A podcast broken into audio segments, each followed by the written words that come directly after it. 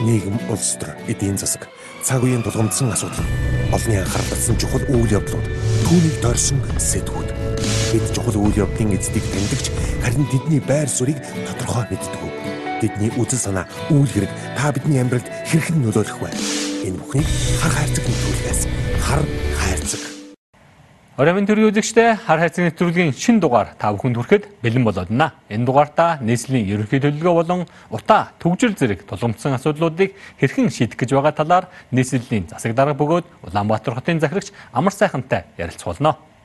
Хар хайрцаг. За сайн байна уу та? Хүрэлцэн ирсэнд их баярлалаа. За баярлалаа. Өрсөнд баярлалаа. Сайхан амарч гин үү? Сайхан сайхан. За хотын ажилч одоо эд оволцсон гэх үү, бужигнан гэх үү ер нь маш их байгаа баха. Та бас ажил аваад нэлээд хэдэн сар боллоо. Энэ хооронд ямар шүү ажлууд амжуулаад байна. Тэгээ мэдээж бол энэ бас хугацаанд олон одоо ажил асуудлуудыг шийдвэрлэх гэж ажиллаж байна. Хотын ажилчин бол өөрөө бас их онцлогт. Хүн одоо эхээс төрхөөс эхлээд нөгөө бурхны оронд очин хайлна гэдэг хүртэлх хугацаанд одоо тэгээ хүний амьдралын бүх одоо асуудалтай шууд өссөн өсөөгөө холбогдож байдаг Тэгэл одоо хогийн эгдлээс эхлээл байшин зам дэд үлдэц барилгын дээвэр энэ тэргээл ингээл одоо эмнэлэг сургууль боловсролын салбар эмнэлгийн үйлчилгээ стандарт аюулгүй байдалыг алгасан гიშгсэн бүх юм байж байгаа учраас бол бас тэмч нэг амархан ажил биш. А мэдээж бол одоо бас энэ одоо ажлыг бол аль болох богино хугацаанд эренб дараатай цаг алдахгүйгээр гол бол асуудлуудаа шийдвэрлэхийг зорж ажиллаж байгаа. Тэгээ эхний одоо 3 сарыг бол бас дотоод асуудал цэгцлэх. За тэгээ дотооддоо одоо зохион байгуулалттай холбоотой болох болохгүй асуудлуудыг бас нэг уялдаа холбоог нь бий болгох, нэгдсэн зохион байгуулалттай болгох, нэгдмийн шийдэлтэй болгох, ажлын уялдаа холбоо хариуцлагыг дээшлүүлэх гэж а одоо тэгээд бол энэ зуны 3 сарын турш намрын одоо эдэн сард бол бас илүү гадуур дотор явж газар дээр нь очиж асуудалтай танилцаж ингэж байна. А ингэж гол шийдэл асуудал шалтгаан юм бол ерөөсөө гарах гэж байгаа альбаар шийдвэр амьдралд нийцсэн хүндэл бэрхшээлийг одоо аль болох үүс. Тэгээ энэ одоо өнөөдрийн нийгмийн хэрэгцээ шаардлага ирээдүйн бас одоо хөгжлийн бодлого төлөлтөд уялдуулах үүднээс яалтчгүй одоо бас явж үзэх харах газар дээр нь очиж шийдвэрлэх олон асуудлууд байна. Тэгээд яг зүгээр одоо ажиллаж байгаа асуудал гэх юм бол энэ хотын 2030 он хүртэл хөгжүүлэх хөгж хэтийн зорилт хөгжлийн стратеги төлөв боловсруулж ажиллаж байгаа. А тэр боловсруулалт одоо өөрөлдөх юм бол хот хиттэй яаж хөгжих юм хөгжлийн доктортой бодлого нь юу байх юм гэдгээ зөв тодорхойлж зөв одоо эренблэхийн тулд өдөр тутмын ахуйн асуудлаас эхлээд аж ахуйн асуудал хүртэл рүүгээ одоо бас нэвт шувт орж байж тэгээд хамгийн зөв бодиттой шийдвэрийг гаргах тэр нь богино хугацаанд хэрэгжиж урт хугацаанд үр дүнгээ өгөхүүц байх талаас нь илүү анхаарч ажиллаж байна. Та ажил авсныхаа дараахан бас хотын нөхцөл байдлыг жаахан шүмжлээд уялдаа холбоо муутай байсан байна. Одоо ингэж ажилламааргүй байна гэсэн. Одоо шүмж хэлж исэн. А таны саяны бас одоо ярьж байгаагаар ерөнхийдөө хамгийн түрүүнд хийсэн ажлуудыг чинь нэг яхаар уялдаа холбоотой болгох Тэгэхээр энэ тал дээр одоо магадгүй үзэгчд бол чухам яг юу нь уялдаа холбоогүй байсан. А яаж уялдаа холбоотой болгон цасан залруулсан гэдгийг сонирхож байгаа. Гэхдээ яг одоо бас ингээд хэдэн 10 жилийн турш гэж хэлж болохоор энэ хотын ажил амьдралтай холбоотой сайн жишгүүдж байна. Бас саар жишгүүдж түүнээсээ олон байна. Хотын чуя ер нь бүх шатнд төрийн зэрхааны байгууллагууд, төрийн байгууллагуудын ажлын уялдаа холбоо нэгдмэл шийдэл гэдэг бол өөрөө чухал асуудал. Тэгээ уялдаа холбоотой байж вэж зөв шийдвэр гарна. Зөв хэрэгжин тэр нь бас одоо зөв үр дүнгөө өгнө гэж ингэж тооцож байгаа. Тодорхой хэмжээнд өөрчлөлтүүдийг хийж байгаа. Тэр өөрчлөлтүүд бол одоо юунаас эхэлж ийн гэхээр дөрийн албан агчтай илүү чадахжуулах, за мөн хариуцлагажуулах. Төрийн албан агчт нь хариуцлагатай хийж байгаа аливаа ажил гүйцэтгэл сайтай тэр бүгд дээр тавьж байгаа хяналт нь тодорхой байх. Тэгээд бүгд одоо бас нэг өссөн зорилготой хүрэх энэ асуудал нь чухал байгаа учраас энэ тал дээр илүү анхаарч ажиллаж байгаа. Энэ бол миний нь ажлаа би бол одоо хотын даргын хувьд чинь хүн амьдралаач вэ, ажиллаач вэ, хувийн асуудлаач төлөвлөдөг. Тэгвэл би бол хотын ажлаа бол үндсэндээ нэг гурван хэсэгт хувааж ажиллаад байгаа. За. Тэр нь одоо ямар хөө байдалтай төлөвлөгдөж байна гэхээр ерөөсөө л биднэрт өдөр тутмын үйл ажиллагаан дээр бас ингээд урт хугацааны бодлого шийдвэр шийдвэрээ хэрэгжүүлэхэд ерөөсөө хөрөн мөнгө төсөв санхүү мэдээж хэрэгтэй. Гэхдээ эннээс илүү дутагдж байгаа усаагаар шиг хэрэгтэй байгаа зүйл бол ерөөсөө л хариуцлага. Ажилдаа эзэн байх асуудал, ил тод байх асуудал, зарчмын шаардлага тавьдаг байх, тэрийг хэрэгжүүлдэг байх.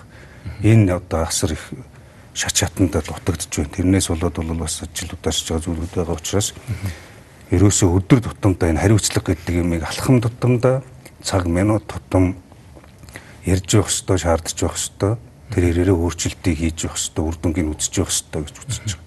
А түүний хажуугаар одоо бидний ажил амьдралын нийслэлийн иргэд орсон суугчдын хүндрэлтэй асуудал болсон.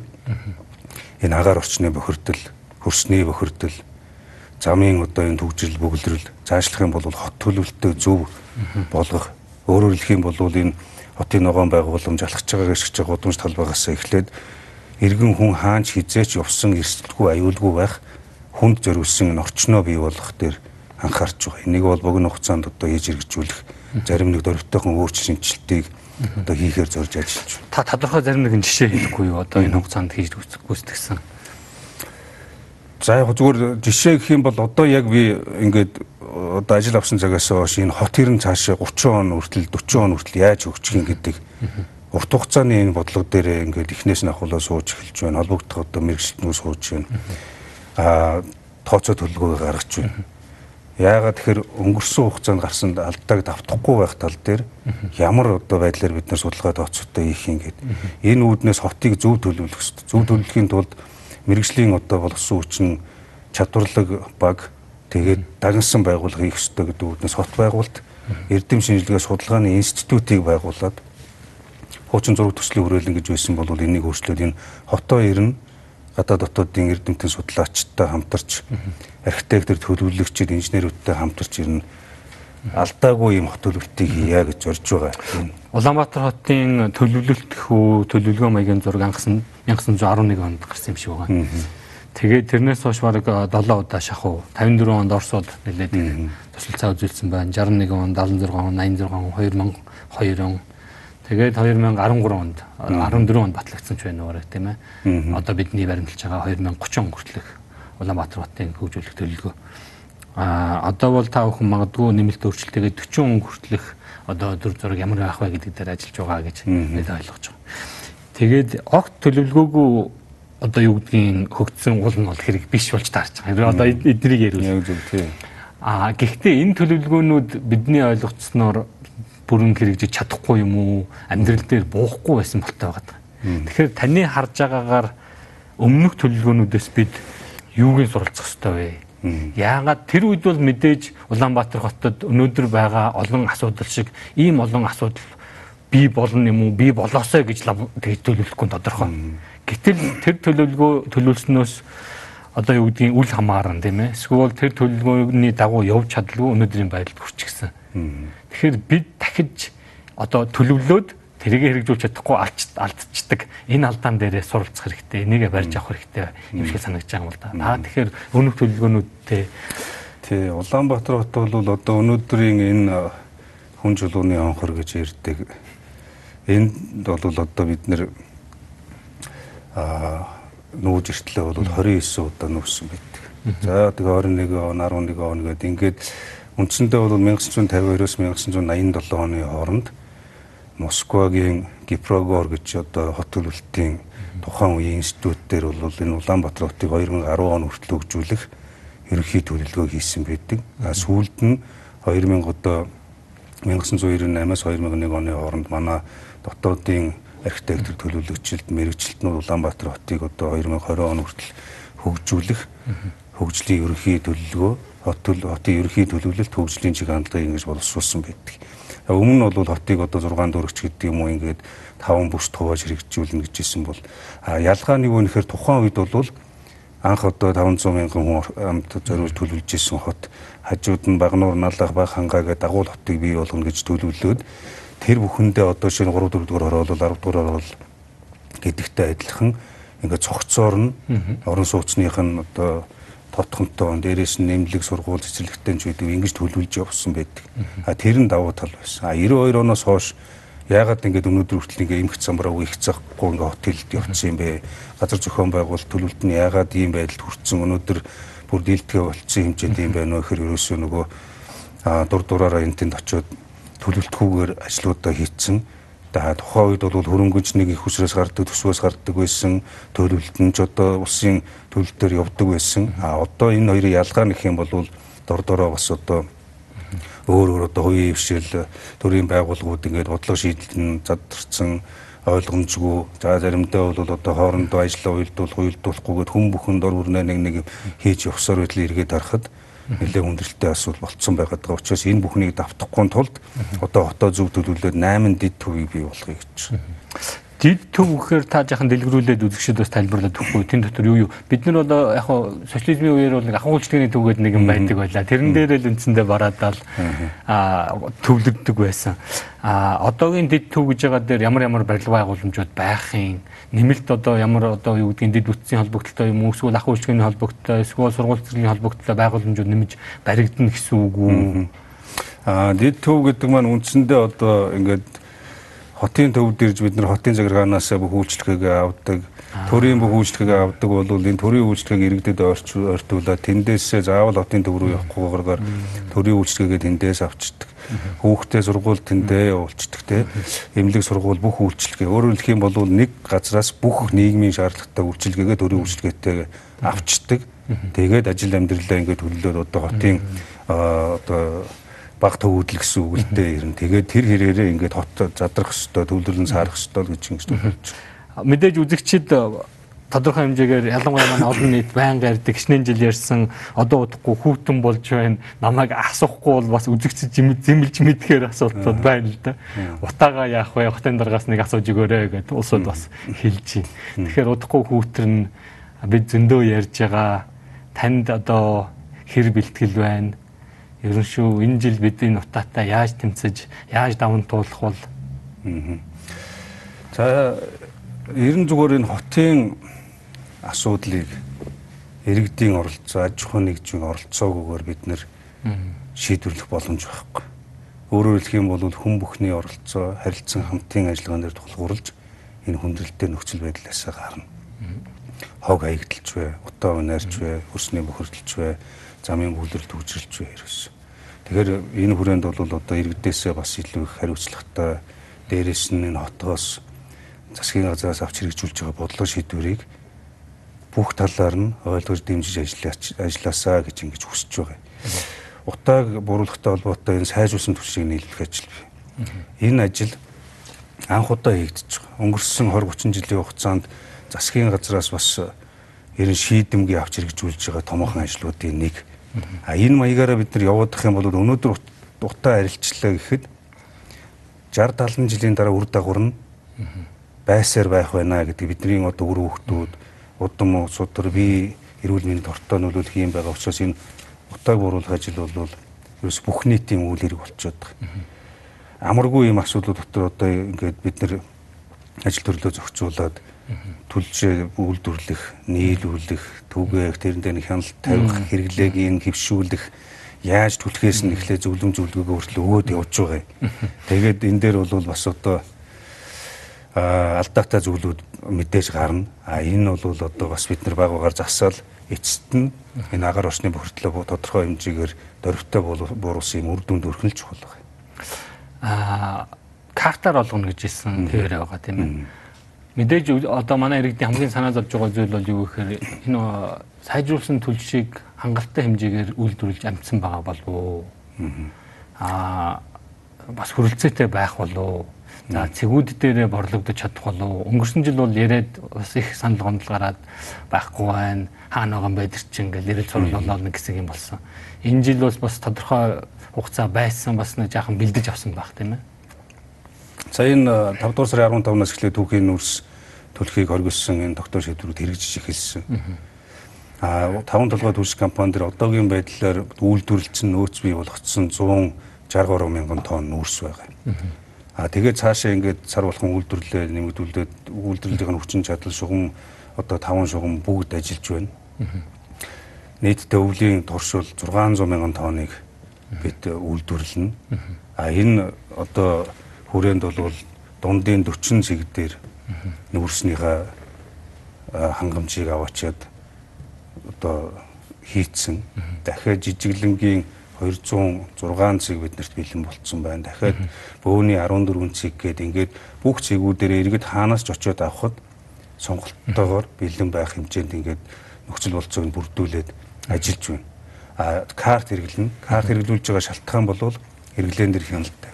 Яагаад хяналттай явах чинь гэхээр хэд хэд дач холбогдолтой. Карта картаараа иргэн зээлээр авч болно. А болж байна. Тий, зээлээр авч болно.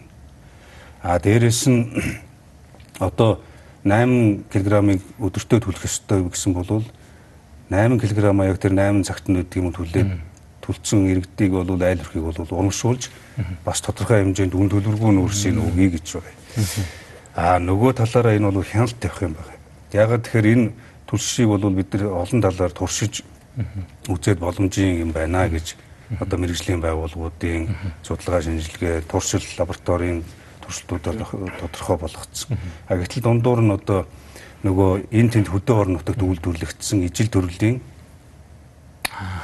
дүр одоо яваад байгаа юм байна шүү дээ. Ижил тийм одоо харахад ижилхэн ийм нүүрснүүдийг авчирж шаардлага хангаагүй. Тэгээд тийм нүүрснүүдийг авчирж төлж байгаа, төлүүлж байгаа. Заримдаа бол ингээд зориуд зохион байгуулалтаагаар энэ ажлыг унгаах гэсэн ийм зарим нэг улс төрийн зорилгоуд байна зарим нэг одоо зохион байгуулалтаа хэсэг бүлгийн ийм одоо нийтийн төлөөхийн ажлыг бас жоохон гацаах гэсэн сонирхлууд ч байна. А тэгэхээр тэрнээс сэргийлэхийн тулд бид нар картыг тарааж өгч байгаа. Энэ сайжруулсан төсвийг нийлүүлэх нэрээр түүхийн нүүрсийг хориглох нэрээр олон аж ахуй нэгжүүд үйлдвэр авчиад барьцсан. Нүүрсээ үйлдвэрлэлсэн. Тэгээ тэрийг одоо нийлүүлдэг гэхээр бид нар бол зөвхөн таван толгой төрш компаниас л нийлүүлнэ. Өөр газраас нийлүүлэхгүйгээр бид нар чинь нөгөө нүүрснийх нь хэрэглээ борлуулалтанд байхгүй учраас энэ нүүрсний савнд өөр нүүрс хийгээд тэгээд энэ нүүрс мэт харагдуулж түлж гэн асахгүй байна болохгүй байна гэсэн бас ийм явуулгатай юмнууд явж байгаа. Энэ нэгэнтээ нөгөө өвлийн тухай яриад дотооны тухай ярьсан би нэг асуулт асуугаад энэ сэдвээ жаахан багцлаа да. Тэр бол юу гэхээр мэдээж бид бас баггүй хугацаанд ярьсан тогийг одоо цахилгаанаар халаая. Шөнийн тариф гаргая. Та шөнийн тариф гараа явж байгаа. Гэтэл ямар гомдол иргэдээс ирдэг вэ гэхээр шөнийн тариф нөгөө ирж байгаа цахилгаан маань айлда хэмжээндээ хүрэх ёстой стандартынхаа дагуу тэр киловаттаа хүрэхгүй байна гэдэг юм гомдол гаргаад идэг. А одоо энэ гэр хороолоор явж байгаа цахилгаанчдын тэр мэрэгжлийн чиглэлийн усуд бол ихэнх нь хэлдэг юм байна. Наадах чинь наадах чинь халаахад хүрэхгүй. Тэгэхээр энэ мэдээж манай цахилгааны хүчин чадлын асуудал гарч ирээд ах шиг байна л да. Тэгэхээр бид бол энэ дээр оо цахилгаанаар шийдээгээл яриад байдаг, уриалаад байдаг. Гэтэл яг бодит амьдрал дээр нөгөө цахилгаан маань одоо юу гэдгийг чанарын төвшөнд хүрч хэрэглэгчдэд очихгүй. Тэрнээс болоод халаалт нь одоо мэдээж одоо бидний хүссэн хэмжээнд хүрэхгүй байх ийм эрсдэл гараад байгаа юм шиг л байх юм. Тэгээ зүгээр айл өрхийн эрчим хүчний их усүрийн хангамжийг сайжруулах за эрчим хүчнийх нь бас одоо хүчин чадлыг нэмэгдүүлэх чиглэлээр төсөл хөтөлбөрүүд хэрэгжээд явж байгаа. Сонгон дид станц гэдээ баригдаж байна. Энэ 135 кВт-ийн ийм хүчин чадалтай цагирыг шугамуудыг одоо нөгөө эрчим хүчний шугамын өргөдөх шинжилтийг хийгээд явж байна. А мэдээж одоо цаана их нь жишээ нь 3 4 дугаар цахилгаан станц гэдэг ингээд их үүсвэрүүд нь хязгаартай учраас бас хүн болохны одоо хүслээр тэр цахилгаан эрчим хүчийг хангаадах боломжгүй 80 кВт-аас дээш кВт хүртэл бол хөнгөлөлтөд амруулж гэдэг юм уу ийм бодлого явж байгаа. А саяхан одоо бид нар бас ашигын газар саналаа өргүүлж байгаа. Шөнийн 21 цагаас өглөөний 6 цаг хүртэл хөнгөлөлтөд байдаг байсан бол ядаж одоо шөнийн 20 цагаас өглөөний 8 9 цаг хүртэл энэ цахилгааны тарифын хөнгөлөлтийн цагийг сунгаж өгөөч. Гээд энэ сунгах асуудлын эдийн судал гээд нь засаг даргын зөвлөлийн хурлаас Улаанбаатар цахилгаан сүлжээ компанид техникийн нөхцөлийн тодорхойлох үүрэг даалгаврын нөгөөд ингээд судлуулад ажиллаад явж байгаа. Тэгээ болж игэл ингээд цагаа сунгая. гэж. А тэгэхгүйгээр бид нар одоо жишээ нь 80 м квадрат гэдэг юм уу 100 м квадрат байшинтай эсвэл гэртээ айл өрхүүд цахилгаанаар хангаж явах тэрнийг асуудал. 2 300 м квадрат байртай 4 500 м квадрат байртай айлууд бүгдийн цахилгаанаар хангана гэх юм бол тэр хэрэг ачаалал үүсэх учраас гэр орооллынхаа айл өрхүүдийг бас ингэж бүсчилж энэ асуудлуудаа шийдвэрлэж явж байгаа. Ер нь зүгээр ингээд цагийн сунгах боломжийг судалж байгаа эрэлхийлж байгаа. Өнгөрсөн онд энэ онд шинэ оны дараахан 1 сард уу 2 сард уу ерөнхий сайд бас нэг хэлж исэн утаага 50 хүртэл хойд бууруулъя гэж. Тэгээд одоо энэ өвлөл таны хийж байгаа за мөн одоо энэ утаатай тэмцэж байгаа бусад одоо олон хүмүүсийн ажлын дүн тавигдтал болчиход байна л да. 50 хүртэл бууруулж чадах болов. Мэдээж энэ бол хэцүү. За 50 биш юм аа гэхэд ядаж одоо нэг дөрвтойхон шиг хэмжээнд 20 30% бууруулах ийм боломж байна гэж харж байгаа. Ер нь зүгээр хүн бүхэн хичээгээд хамтраад иргэн бүр хариуцлагатай аж ахуй нэг зүгээр одоо өөрсдийнхөө өрөөнд чадах бүх зүйлүүдээ хийгээд ажиллах юм бол 50 битгий ил буурах боломжтой. Тэгээ энэ бол нэг байгууллагаас шалтгааллахгүй. Ганц нийслэлээс шалтгааллахгүй. Засгийн ганцаар шалтгааллахгүй. Тийм шүү дээ. Энэ ерөөсөө хүн бүхэн иргэн бүр тэр нүүрсээ аваад зөв төлөх хэрэгтэй, галлах хэрэгтэй байна. Аж ахуй нэгжүүд бизнес эрхэлж байгаа, ашигын төлөө ажиллаж байгаа болвол тэнд хэдэн тоноор нүүрс авчираад ингээд хүлээд байх биш тэр 100-аа цахилгаан болгодог. Эсвэл газан чилжүүлдэг. Тэр ирээ өөрсдийнх нь ажлын ачаал нь багасдаг. Нөгөө үнс хогноосоо хол байдаг. Ийм боломжинд бүртгэх учраас бол ер нь ингээд энэ хугацаанд энэ өвлийн турш ингээд туршаад үчихэд эн чинь анх хийж байгаа ажил алдаа оноо зөндөө гарна. Эрсдэлж зөндөө бий. Тэгвэл одоо бас хийвэл арга олон гэдэг шиг тал талдаа хичээгээд ажиллах юм бол дөрвтөө үр дүн гарна гэж үзэж байгаа. Би таныг бол их хүнд албатай хүн юм болов уу гэж бодож байгаа. Гэхдээ зөвхөн та биш. Энэ хотын дарга гэдэг хүнд албыг үе үе үед үүрч ирсэн олон хүмүүсийг би хэлж юм л да. Магадгүй одоо яагаад хүнд алба гэхээр маш их асуудалтай. Энэ одоо миний төрөнд хэлж ирсэн Австралийн Мельбурн хотын захирагч байх шиг тэр бол арай амархан байдаг болов гэж би боддгийн. А Улаанбаатар хотын захирагч Улаанбаатар хотын дарга нийслэлийн захирагч энэ бол их төвхтэй ажил. Тэгээ миний танаас асуух гэж байгаа зүйл яаж яваад энэ ордон тушаал дээр ирч вэ? Ягаад тэгэхээр маш их ламтай. Маш их комплер. Одоо би ингээд Улаанбаатар хотныхны үзэгчдийн ярьж болох олон одоо гомдлыг би яриад л байвал та тэр одоо одоо төгжрэл гэдгүү нөгөө жорлон гэдгүү эрүүл мэнд гэл одоо бүр хідэн юм ярьж олно. Тэгэхээр энэ их хүн далд юм шиг. Тэгээд магадгүй би бол зөрхөлөхгүй байх. За одоо барахгүй хаа гэж. Та яаж яваад энэ албан дээр ирч вэ? Таны нийслэлийн иргэдийн төлөөлөгч хурд энэ байсныг бол мэдж байгаа. Ер нь зүгээр хөгжингүү хотын дарга байх хөгжиж байгаа хотын дарга байх хоёрын хооронд бол асар том ялгаатай. Хөгжлийн жишгээрээ хот болох нь гэсэн өөр өөрийн гэсэн онцлогтой өөр өөрийн гэсэн бас зовлон бэрхшээлтэй. А манай хотын хувьд хөгжиж байгаа хот дээрээс нь бас нүүдэлчин соёлыг орчин үеийн иргэншил хөгжилтөө уялдуулах замаар бас тодорхой тодорхой шийдвүүдийг гаргаж яваад өнөөдөр алдаж оноод ямар ч байсан Улаанбаатар хот бас олон сайхан амжилтаар дүүрэн байна. Хажуугаар нь бас одоо дөрөвний эрдгээр олон шийдэх асуудал байна. Яагаад энэ албыг авсан юм бэхээр зүгээр яг авахгүй байх гэдэг юм уу? Тэр миний одоо сонголт ихээсээ төрүүлээд ерэн зүгээр өөрчлөлт шинжилтийг хийх зайлшгүй шаардлага байна гэж нэгдүгээр тарсан. Хоёрдугаарт бол бидэнд одоо л энэ цаг үед бид дөрвтойхон шиг өөрчлөлт шинжилтийг шат шатанд хийж тэгээд энэ хотын хүндрэл бэрхшээлтэй асуудлуудаа шийдвэрлэхгүй бол 21-р зуунд бид ажиллаж амьдарч байна. 30 жилийн өмнө миний амьдарч исэн гудам яг тэр хിവэрэ байна. Налахт. Налахт. Одоо би жишээ нь 30 40 жилийн өмнө тэнд хүүхэд насаа өнгөрөөж ирсэн бол яг хിവэрэ байна. Тэрнтэй адилхан одоо миний хүсэл тэмүүлэл яг өнөөдрийн хүндрэл бэрхшээл донд байгаа иргэд орсон суугчдын хүсэл тэмүүлэлтэй нэгэн адил учраас өөрт байгаа боломж нөөцөө дайчлаад Тэгээд энэ нэг буруу жишгийг халъя. Зөв жишгийг тогтооё. Богино хугацаанд энэ хотын хөгжил бодлого шийдлийг гаргая. Тэгтээ бас одоо тийм амаргүй цаг үед байгаа учраас нэлээд тийм шийдэмгий ажиллах шаардлага байна гэж харсан учраас тэрийг бас тэрнийхэн төлөө зүтгэж юм өөрийн бас хүсэл зориг байна гэж үтсэн учраас л одоо энэ албыг авсан гэж ойлгож байна. Миний танаас ингэж асуудаг гол шалтгаан бол та иргэдэд нэлээд загнуулах байхаа. Хүссэн үсээгүү. Өмнөх хотын дарга нар бол загнуулсаар ирсэн. А мэдээч зөндөө юм хийсэн, бүтээсэн юм байгаа тэр бүхнийг үгүйсгэж болохгүй.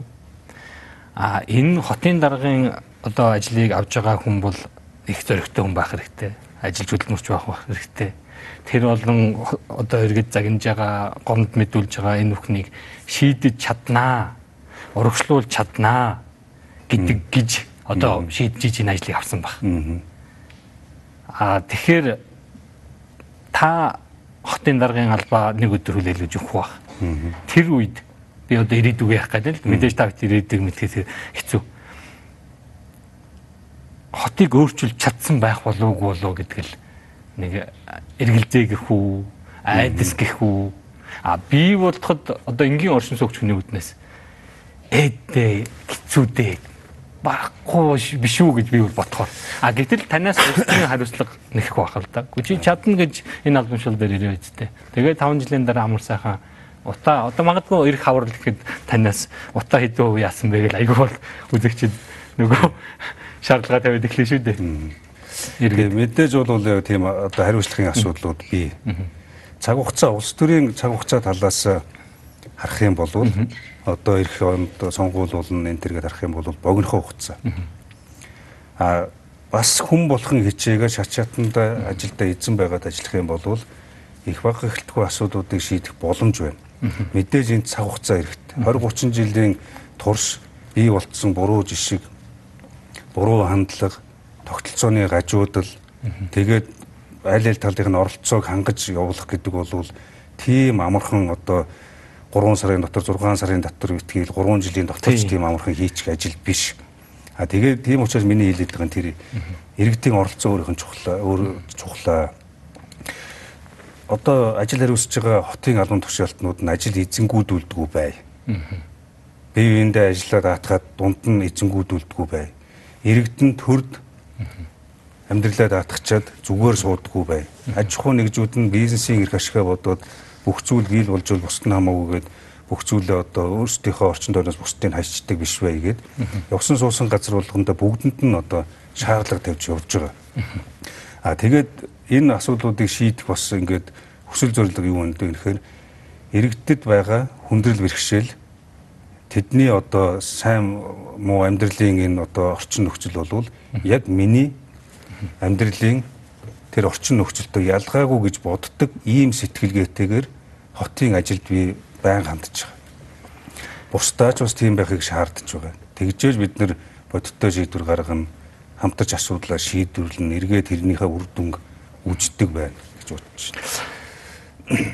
Би Монгол Улсын их сургуульд багшилдаг юм аа. Манай их сургуулийн хичээл 7-д ч өсгөлдөг. Тэгээ эртэд нэг машин гардаг өдөр таарад би автобусаар явж таарсан. А өглөө бол оюутнууд нэлээд чихэлддэг юм байна. Тэгээд би бас энэ нийтийн тээврийн өглөө хэдэн цагаас яаж эхлээд хэдэн автобус өглөө гараад автобусны нийт 300-аад автобус гэж үү нийт автобусны хэдэн хувь өглөө хэдэн цагт ингээд тав байна. Тэгээд би бодсон юм аа. Өглөө энэ ачаалалтай үед аль болох олон автобус гаргаж болдгүй юм болов уу? Яагаад одоо нийт автобусны 300-аад нь явж идэг юм бэ 6 цагийн үед 7 цагийн үед. Аа тэгээд хол гэрдээ улсууд бол бас оюутнууд бас нэлээд удаж очино.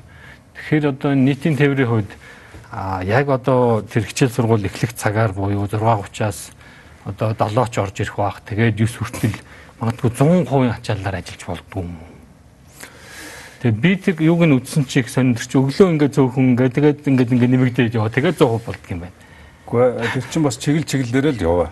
Өнөөдөр нийтийн тээвэрт Улаанбаатарт 980 гаруй автобус явж байна. Энэ автобуснууд одоо 80% нь эрхчил ашиглалтаас гарна. За тэгээд одоо хүндрэл бэрхшээл их бий. Тэр аль болох нийтийн тээврийг иргэддээ хүргэе гэж. Тэгвэл жил ирэх тусам нийтийн тээврийг ашигладаг иргэдийн тоо багасж байгаа тодорхой хэмжээгээр орж байгаа орлого нь багасж байгаа. Тэгээ нийтийн тээвэр хөгжихгүй байгаадгийн шалтгаан бол ерөөсөө 2000 онд л бараг л одоо 10 жилийн өмнөөс нь 500 төгрөг тэр чигээр өнөөдөр хүртэл бензин шатхууны үн нэмэгдээл байдаг. Засвар одоо сэлвгийн үн нэмэгдээл байдаг. Гэтэл тэр бол яг одоо тэр хിവэрэ байгаад байгаа учраас нийтийн тээврийнхаа үн тарифт өөрчлөлт оруулах ёстой. Тэрнээсээ өмнө бид нар энэ нийтийн тээврийн автобусны чанар стандартыг сайжруулах хэрэгтэй гэж бодож байгаа. А одоо нийтийн тээврийг зөвхөн автобусаар хардаг цаг үе өнгөрсөн. Тийм шүү дээ. Алийн болгон автобустайгаа одоо зууралдаа дахиад 10 жилийн өнгөрөв. Тэр хотын нийтийн тээврийн цогц шийдлийг боловсруулад үндсэнтэй бэлэн болж байгаа. Тэр юу вэ гэхээр манай одоо энэ орны хотын иргэд орсон суугчдын амьдарч байгаа орчин нөхцөлтөд нь уялдуулаад нэг хэсэг нь одоо хойгуураа хотын хойр ойд хэсгээр баруун зүүн хэсгээр уул толготоор амьдарч байна. Нэг хэсэг нь орон сууцнд амьдарч байна. Нэг хэсэг нь жоохон тархаа бутархаа одоо ингээд амьдарч байгаа учраас нийтийн тээврийн цогц шийдлийг яаж шийдэх вөхөр бид нар ерөөсөө энэ орчин одоо тойронд тохирсон шийдлийг нэвтрүүлэе гэж байгаа. За автобусаа шинжилнэ. Автобусаа богино хэрэгэлтэнд оруулна. Богино хэрэгэлтэнд оруулахдаа энэ дундах урт одоо маршрутыг бий болгоно гэж байгаа. Урт маршрутыг бий болгохдоо их тайвны өргөн чөлөө энэ урт төмөр замын тараасаар моноэрэл гэж ярьдаг. Sky Welch гэж ярьдаг. Цахилгаан соромжон одоо галт хэрэг гэдэг. Энийг 5 шараас амглан хүртэлх 12.6 км-т бид техник эдийн засгийн үнэлгээг нь боловсруулад үндсэндээ дуусчихин.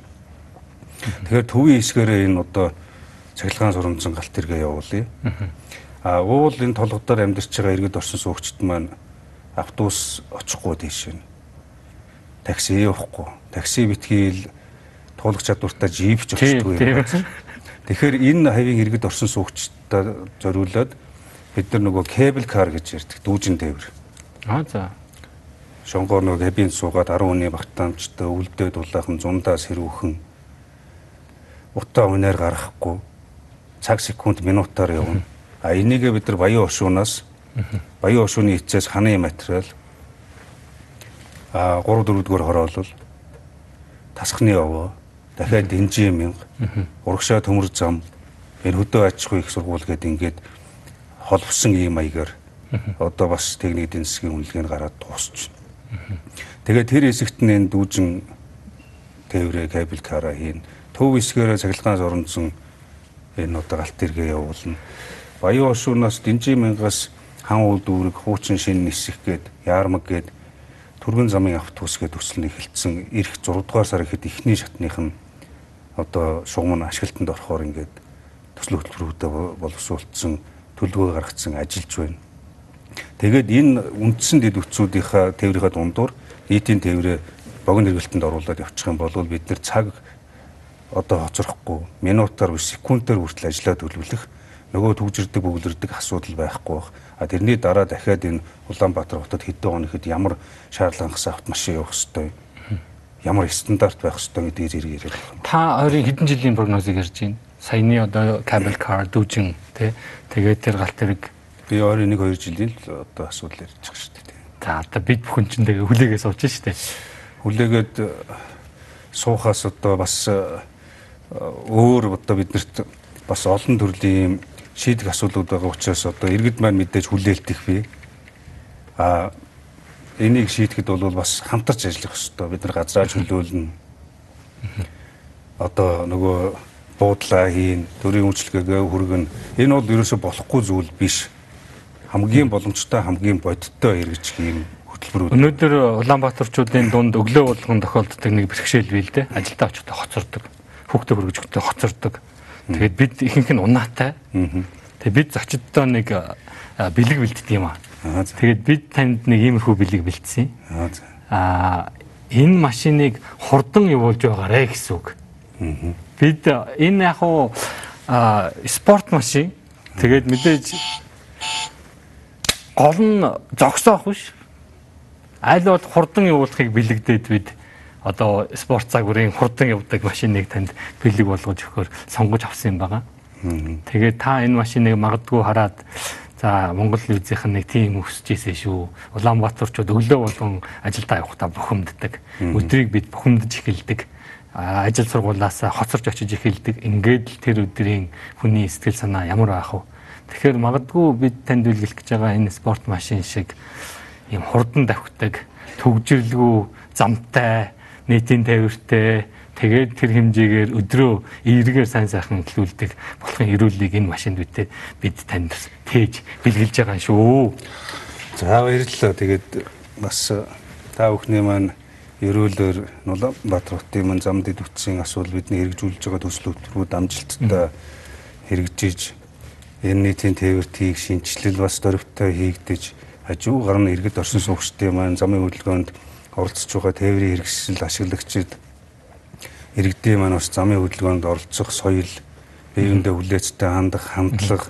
За тэгээд бүх талын оролцоонд бий болох юм бол бас дөрвтэй өөрчлөлтүүдийг хийх боломж байна гэж харж байгаа. Тэгээд бүх өөрчлөлтүүдийг хийхэд бол бүх талын оролцоо чухал учраас тэгэлгүй яг уу иргэд орсон суугчдаа бас хотынхоо ажил амьдрал хотын соёлж гэж ярьдаг хотын иргэний соёл хотын одоо соёлж гэж ярьдаг энэ асуудлууд дээр бүх зүйл дээр бас одоо дор дорноо эрг хандлагыг одоо түгээж хамтарч асуудлуудаа шийдвэрлээд зам дээр бүгдээрээ зэрэг зүг гацаад хин ч явдаггүй бие бинийгээ хараад зүхээд сүүлд нь одоо эрүүл мэнд эдийн засгаараа хохироод өдрийн ажлын 8 цагийн 3 цагийн зам дээр өглөр төгжирж өнгөрөөгөөд бол хинд ч сайхан асуудал биш учраас энэ бүх асуудлуудыг одоо бүх боломж төвлөрөөр нь хотоос бодлоо шийдлээ гаргаж шийдвэрлэхийн төлөө ажиллаж байгаа. Тэгээд тэр ажлыг ажил хэрэг болох хамгийн том хөдөлгөөн хүч нь манай иргэд орсон суугчд бас өөрсдөө учраас тэр оролцоогоо хангаж бас хамтарч үргэлж одоо асуудлуудаа шийдэхэд идэвхтэй оролцохыг бас уриалж байна. За нэг зүйлийг бас асуухгүй өнгөрч болохгүй нэг асуулт байгаа. Та магадгүй тайлбар хийсэн байх. Олон нийт бас янз бүрийн ойлголттой байгаа баха энэ асуудал дээр. Та ажиллаа аваад удаагүй байхад 5 сар орчимд нэг хэрэгдүүлэн болсон. Таны нэр ус нилээд бас одоо холбогдоод явсан. Дуулын бургасыг нэг хэд нөхдүүд яагаад байшин барилга барьлаа гэдэг ингээд ингээ яагаад. За тэгээд тэр компани нь одоо хотын даргын одоо ахтаа матан садных байна гэдэг ингээд явсан. А тодорхой хэмжээний тайлбар энэ төр юмнууд араас нь хийгдсэн. А тэгтээ би бас лавлж тодруулж асуумаар байна л да. Тэр ямар юм болоо явчваа. Ер нь та тэрнтэй ямар шүү байдлаар холбоотой юм, эс холбоотой юм, тэрийг магадгүй сонсоогүй таны тайлбарыг сонсоогүй үзэгч байж байгаа юм. Яг ямар сайхан гэж хувь хүнтэй холбоотой ямар ч тийм асуудал байхгүй. Өмнө би бизнес эрхэлж байсан. Бас алдаж онож энэ зах зээлийн хүнд хэцүү цаг үед бол бас аж ахуйн ажлыг ах トゥ гэр бүлтэйгээ хийгээд гэр бүлийнхаа одоо бизнесийг бас хийж өгсөн тийм үе би албан тушаал аваад өөртөө газар олгоод эсвэл ах トゥ дэ давуу эрх олгоод авцсан зүйл ерөөсөө байхгүй. А тэр газар гэж яриад байгаа асуудал бол өмнө манай бас одоо ахын нэр дээр байж исэн шилжүүлээд өөр одоо хүмүүс авцсан тэн дээр нь ажил одоо асуудал явж байгаа л миний одоо нэртэй энэ Улаанбаатар хотын захирагчийн ажилттай холбоотой улс төр жилтэж орсон. Энэ зөвхөн тэр одоо бургас гэдэг зүйлээрээс тогтоогүй шүү дээ. Бүр одоо манай удам судар аав ээж минь одоо гарал үүслийг хүртэл сольж худал үнэг юм цуурхал тараагаад үтгэлэг явуулаад тэгээд одоо би чин уг нь бол манай аав ээж чинь алаахын уурхаачин Увс аймгийн бүх мөрөн сумын гаралтай аав ээж давс сумын харваагаасаа налах тэрэл 50 оноос хойш энэ жинхэнэ налахын уурхайг одоо босголцож ажил амьдралаа эхлүүлсэн юм ажилчин гаралтай буурлууд байдаг. Тэгээд өнөөдөр хүртэл тэр асуудал бол ингээд ямар сайхныг үгүйсхийн тулд одоо эн чинь янз янзын ингээд газартай холбоотой гэдэг барилга байгууламжтай холбоотой. Өнөөдөр миний гаргаж байгаа шийдэл болгон шийдвэр болгон хэн нэгний эрх ашгийг зөрчиж одоо хөндөж байгаа. Нэг айл өрхийн ч бай, нэг албан байга, нэг компани ч эсвэл нэг хэсэг бүлэг. Ялангуяа энэ төрөөр одоо бизнес хийгээд ирсэн төрийн албыг зөвхөн ашиг сонирхлын юм хэрэгсэл болгоцсон урт хугацаанд ийм удам дамжсан өв залгамжлагчийг албан тушаал бие биендээ өгөөд ингээд яваад ирсэн нөхдүүдийн хувьд бол асар том эрх ашиг нь өндөгдөж байгаа. Зарим нь бол тэрийгээр дамжуулаад янз янзын одоо дарамт шахалт үзүүлж хоош нь ухраах, мохоох гэсэн юм орлогооч явж байгаа. Тэгээд тэр энэ юу ч гэж одоо бас доромж гэдгийг бүтгэж болно. За тэр одоо бургасан гэн нөө эсвэл туулын голын юу ч гэнэ ингээд юу ч надад нааж болно. Тэрийг бол би улс төр гэж ойлгож болно. Эсвэл бүтгэл гэж ойлгож болно. Харин гэр бүлийн одоо нөгөө одоо удам судар гарал үүслийг өгөөсгөж худал үнэн зургал тарааж байгаа хүмүүс би цагтаа тагнуулд өгөө шалгуулад эхнээсээ хариуцлагаа хүлээгээд бие бинийгээ илчлээд ингээд явж байгаа. Тэгээд гих мэтийн ийм одоо мэдх мэдхгүй олон хүндрэлтэй гэдэг юм уу асуудлууд бол байгаа. Энэ бүхний ард дандаа улс төрөл явж байгаа. Би нэг юм дээр гайхсан юм аа. Таны үед тэр зөвшөөрлийг өгөөгүй шүү дээ. Танаас өмнө өгсөн байсан.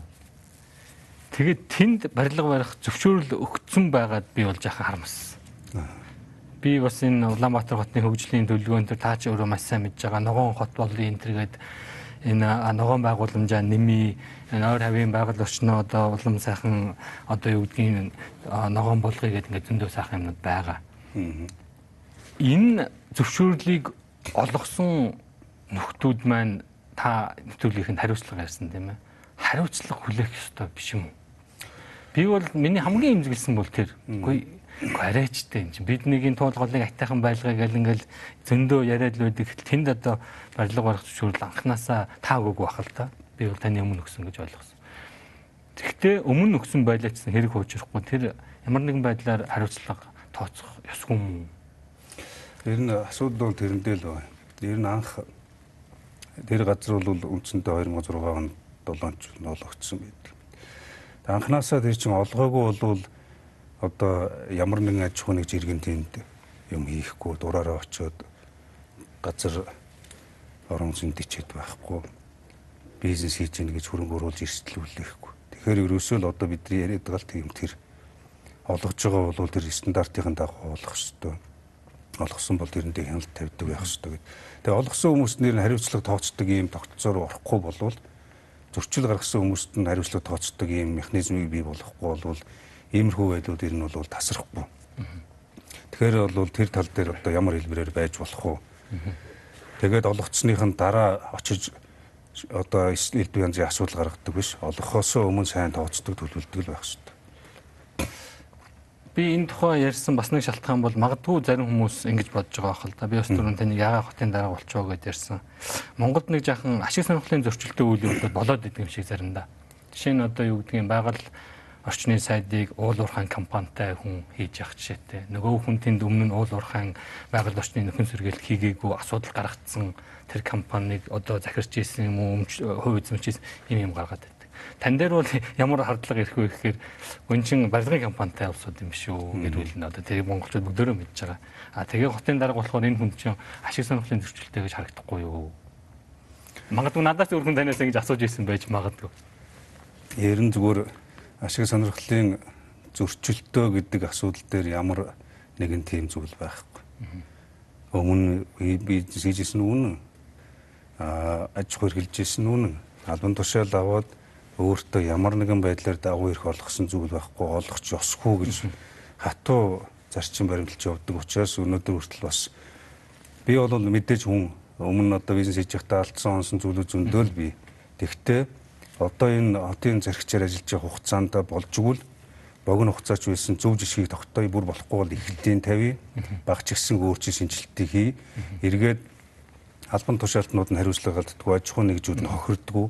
Эцэст нь иргэд оршин суугчид эрүүл аюулгүй орчинд амьдрах ёстой юм орчин нөхцөлийг бүрдүүлэе л гэж ингэж зорж ажиллаж яваа.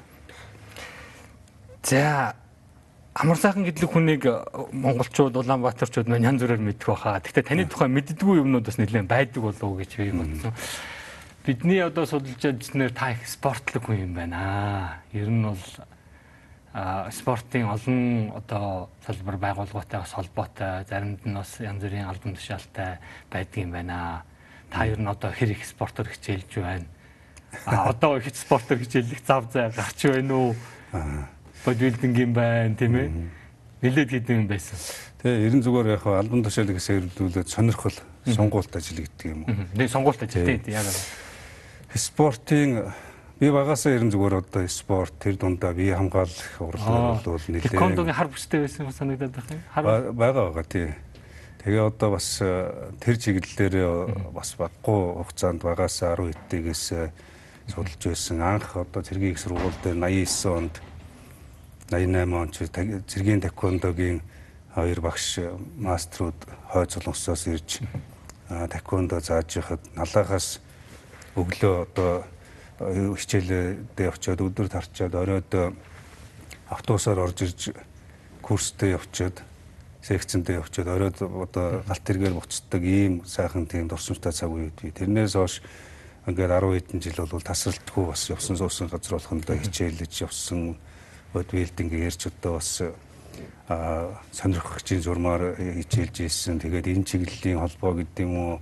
Мэрэгжлийн байгууллагуудын сонгуульт ажлуудыг хашиж исэн ийм одоо ажлууд бий. Та бүхэн ингээд намар ярилцж байна л да. Удахгүй ингээд өвөл болно, хүүтэн болно. Би тантай дахиад ярилцмаар байх юм аа. За. Яг тэгэхээр Улаанбаатарчуудтайгаа ойрхон байх хэрэгтэй. Зөв буруугаа шүүн дунгааж явах хэрэгтэй. А бид бол тань таныг энэ давчраад л одоо юу гэдгийг яллаад буруутгаад гэсэн чидээр дайр тавьчих байгаа юм биш. А нин үгүй үзэгчдтэйгээ юу нь болж ив. Би тантай хавар нэг ярилцмаар санагдаж байгаа жишээ. Өвлжилт ямар байсан талаар. Одоо та бүхэн ингээд сая бас ярьлаа шүү дээ. Нэмэрхүү байх бах. Бид ингээд нэг бас нэлээд хичээж чармааж ийн иймэрхүү үр дүнтэй өвлийг даван туулах бах. Тэгээд тэр үед мэдээж хавар өвөл өнгөрөөд хавар болоход а одоо алдан онон дээр ярилцах. Та бүхэн намар ярьж исэн дээр хавар одоо юу болов? За үл та бүхэн ярьж ирсэнээр болж чадв.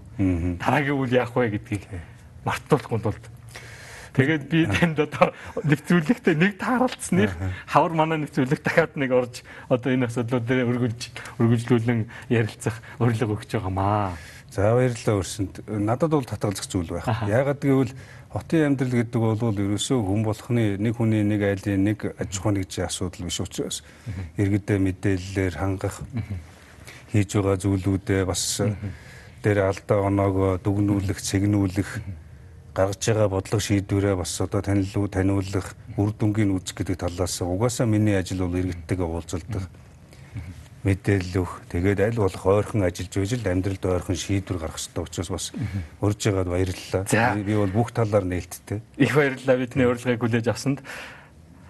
Тэгээд манай нэвтрүүлгийн түрээд өндөрлөж байна. Нин үгүй энэ хүнд албыг аваад одоо шантралгүй зүтгэж олон зүйл хийхээр одоо төлөвлөж байгаа та бид их баяртай байна. Би тэгээ танаас төгсгөлд нь Улаанбаатарчуудаа нийслэлчүүдтэй хандаад одоо өгөөлээч та магадгүй нийслэлчүүдтэй хандаж хэлэх хүсэлт байж болно, гуйлт байж болно, юу ч байж болох юм. Тий. За баярлалаа. За нийслэлчүүдтэй хандаад нийслэлийнхаа нийт иргэд орсон суугчид, хүүхэд залуучуудтай хандаад бүгдээрээ гараад алхахад биднэрт одоо гудамж зам нэг байна, нэг л замаар алхаж байна, нэг л агаараар амьсгалж байна. Нэг л зовлон бэрхшээл байна. Нэг том зорилт бий бидний. Тэр зорилт бол хөгжингүү хотын төвшөнд хурц хөгжих богино хугацаанд том бэрхшээл бий тэр том бэрхшээлүүдийн ард хүн бүхний оролцоотой гарах гарах учраас өөрөөр хэлэх юм бол хотын иргэд орсон суугчтай маань оролцоогүйгээр хотын ажил амьдралыг төсөөлөх асуудал бодлого шийдлийг гаргах ямар ч боломжгүй учраас иргэд орсон суугчтай илүү хувь хүнд иргэнийхээ үүргийг биелүүлж хотынхоо бодлого шийдвэр гаргаж байгаа нийтийн эрх ашигын төлөө гаргаж байгаа бодлого шийдвэрийг дэмжиж хувь хүний хариуцлагатай нийгмийн хариуцлагатай хотын соёлоо түгээх ажлыг хог одоо хаягдлаасаа эхлээ зам дээр таарсан хаяхгүй байх дээрээс нь гудамж талбайгаа цэвэрлэх за цаашлах юм бол одоо бие биенийхээ иргэн тойронд байгаа аюултай эрсдлийг одоо арилгахын тулд хот бол та бүхэнтэйгээ нээлттэй ажиллах ийм үүрэгтэй учраас та бүхнийг илүү бас итвэх санаачлал гаргаж надаас илүү явсан суусан газар болохондоо зөв хөдөлгөр дөөрөл зөв одоо хандлагыг бий болгож зориг хүчээ нэгтгэж хотынхоо хөгжлийг түргүү хугацаанд урагшлуулъя л гэж уриалж. За их баярлалаа. Би танаар ингэж нийслэлчүүдтэй Улаанбаатарчуудаа одоо хандаж хилүүлж байгаа нь гол нь одоо манай нийслэл хот одоо хичнээн хүн байдгийн сая гарна тийм ээ. Бидний хувьд бол та манай Улаанбаатар хотын эцэг юм л да. Энэ үүрэгт алдамжлынхаа хувьд. Тэгэхээр бид бол одоо гэртээ аавынхаа ээжийнхаа үгийг сонсдог шиг таны үгийг сонсох хэрэгтэй. Таны захиас бол бидэнд үнэтэй байдаг. Ингээд нэвтрүүлгийн түрээд өндөрлөе бидний урилгыг хүрэлцэн авч хүлээн авч хүрэлцэн ирсэн явдал их баярлалаа. Таны ажилд маш өндөр амжилт хүсье. Ягаад гэхээр таны ажлын амжилт гэдэг бол бидний өдөр тутмын амьдралыг шийдэх учраас маш их амжилттай байхыг хүсэн ирэж байна. Баярлалаа танд. За баярлалаа. Та бүхэнд ч гэсэн амжилт хүсье. Баярлалаа. Хар хайрцаг нэвтрүүлгийн энэ өдрлийн анхны дугаар энэ түрээд өндөрлөж байна. Энэ дугаараараа бид нийслэлийн засаг дарга бөгөөд Улаанбаатар хотын захирагч Амар сайхантай ярилцлаа. Ингээд дараагийн дугаар хүртэл баяртай үзэгчтэй.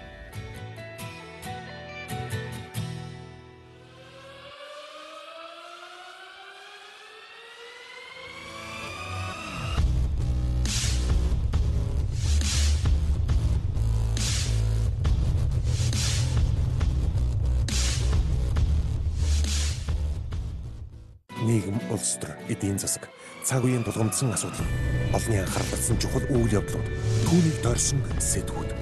Бид чухал үйл явдлын эздийг таньдагч харин тэдний байр суурийг тодорхой мэддэг. Тэдний үзэл санаа, үйл хэрэг та бидний амьдралд хэрхэн нөлөөлөх вэ? Энэ бүхнийг хар хайрцаг нөлөөлөхөөс хар хайрцаг